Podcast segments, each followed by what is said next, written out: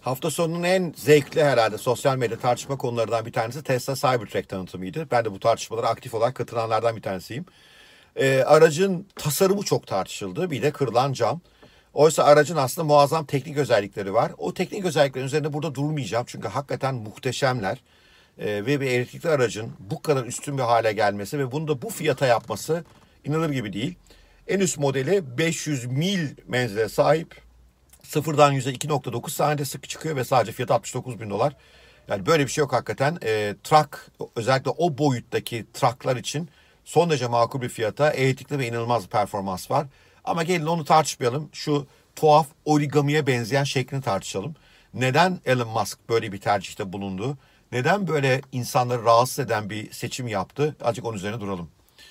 Ee, normalde herhangi bir, pick-up'a baktığınızda ki ben de şu anda bir pick-up'ın içindeyim. Benim de bir hafta sonları kullanmayı sevdiğim bir Isuzu D-Max e, V-Cross'um var. E, o yüzden pick-up dünyasına biraz yakınım aslında. E, normalde bir pick-up'ın 3 bölümü oluyor. Bir tanesi alttaki şasi, sonra o şasinin üzerine bağlanmış iki gövde parçası. Öndeki kabin içinde oturduğumuz ve arkadaki e, kasa veya havuz. Bunlar üçü de birbirinden bağımsız parçalar. Şasi tabii sağlam dayanıklı e, bir malzemeden üretiliyor. Üst malzemeler ise temelde alüminyum tabanlı kompozitlerden üretiliyorlar.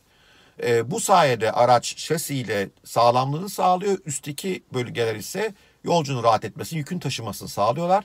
Ve bir yandan da üstteki malzemeler çelik gibi sert ve sağlam bir malzeme yerine değil de alüminyum gibi daha hafif malzemeler üretildiğinden bu üst malzemelerimiz e, bükülüyor. Bu sayede arabaya çeşitli kıvrımlar veriliyor. Bu kıvrımların bir bölümün amacı estetik sadece bir bölümü de tabii aerodinamik. Bunun yalnız etkisi aracın epey yüksek mal, üretim maliyetleriyle üretilmesine yol açıyor. Çünkü fabrikaya hayal edin bu üç parça üretilecek bunlar monte edilecekler. Özellikle bu üst bölgenin üretilmesi için e, pek çok pres makinesine ihtiyaç var. Bu bükümleri, bu kıvrımları vermesi için, sunması için. E, bir yandan da bu araçlar boyanıyorlar ve işte üretimini bilenler bilirler. Bu otomobil boyası sıkıntılı bir iş.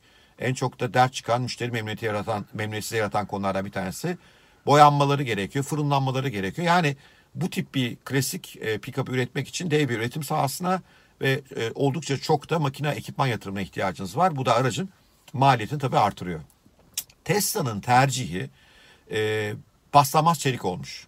Paslanmaz çelik çok dayanıklı bir malzeme. Zaten tanıtım videosu izleyenler vardır. Balyozla vuruyorlar araba bükülmüyor.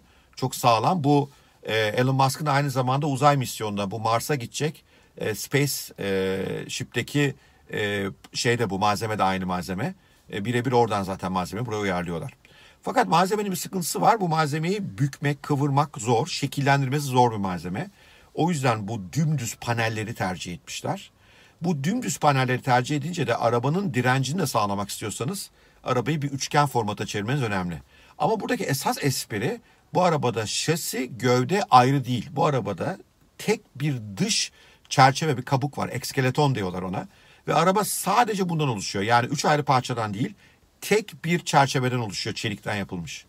Ve bunları da temelde bir aynı origamide olduğu gibi bükerek birbirlerine bağlamışlar. Yani aslında arabanın üretiminin bir origami tasarımından farkı yok. Çocuklarım da bunu tasarlar. Origami de bile daha güzel ürünler yapılan duyanlar haklılar aslında. Çünkü arabanın tasarım mantığı ona yakın.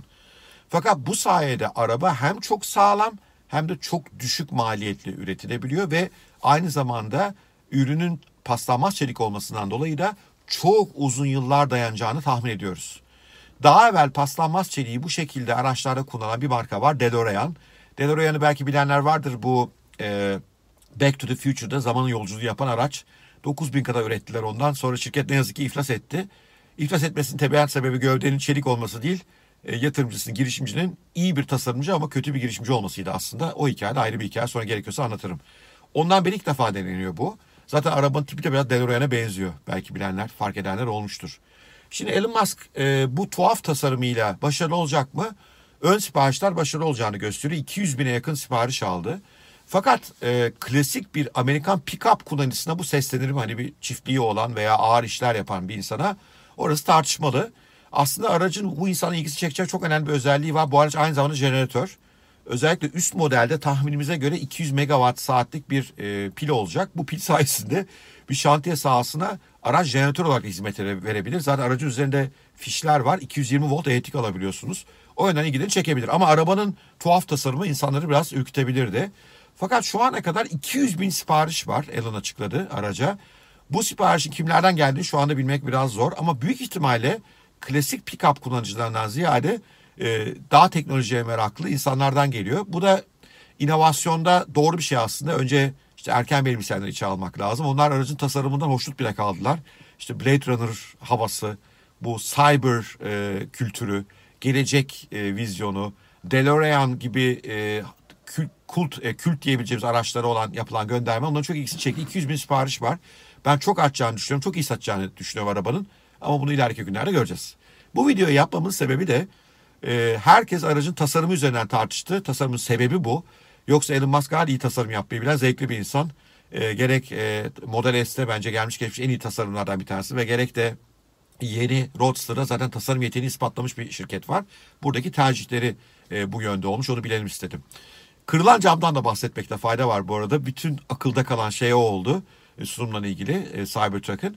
E, Elon Musk bir video paylaştı. Defalarca bu camı daha evvel deniyorlar hakikaten bilye, o çelik bilyeler atıp bir şey olmuyor cama. E, şovda ise kırıldı. İki açıklaması var. Bir tanesi çok fazla deneme yaptıkları için zayıflamış olabilir cam ve son denemede kırılmış olabilir. İkinci açıklama ise e, bu video izleyenler bilecekler tanıtım videosunu önce arabaya balyozla vuruyorlar birkaç kez. Bunun arabanın camın bağlandığı çerçeveyi deforme etmiş olabilecek. Bundan dolayı da camın direncinin azalmış olabileceği düşünülüyor. Bu da mantıklı bir açıklama. Ama esas önemli olan o cam dediğiniz şey cam değil. Yani silikona dayalı tipik cam değil. O şeffaf alüminyum yepyeni bir malzeme. E, o malzemeyi de geliştirecekler. Ben tahminim iki yıl içerisinde bu sorun rahatlıkla çözülür. Ama işte basın bunu değerlendirmeyi tercih etti. Arabanın bütün muazzam özelliklerini bir kenara koyarak. İyi günler, iyi haftalar diliyorum.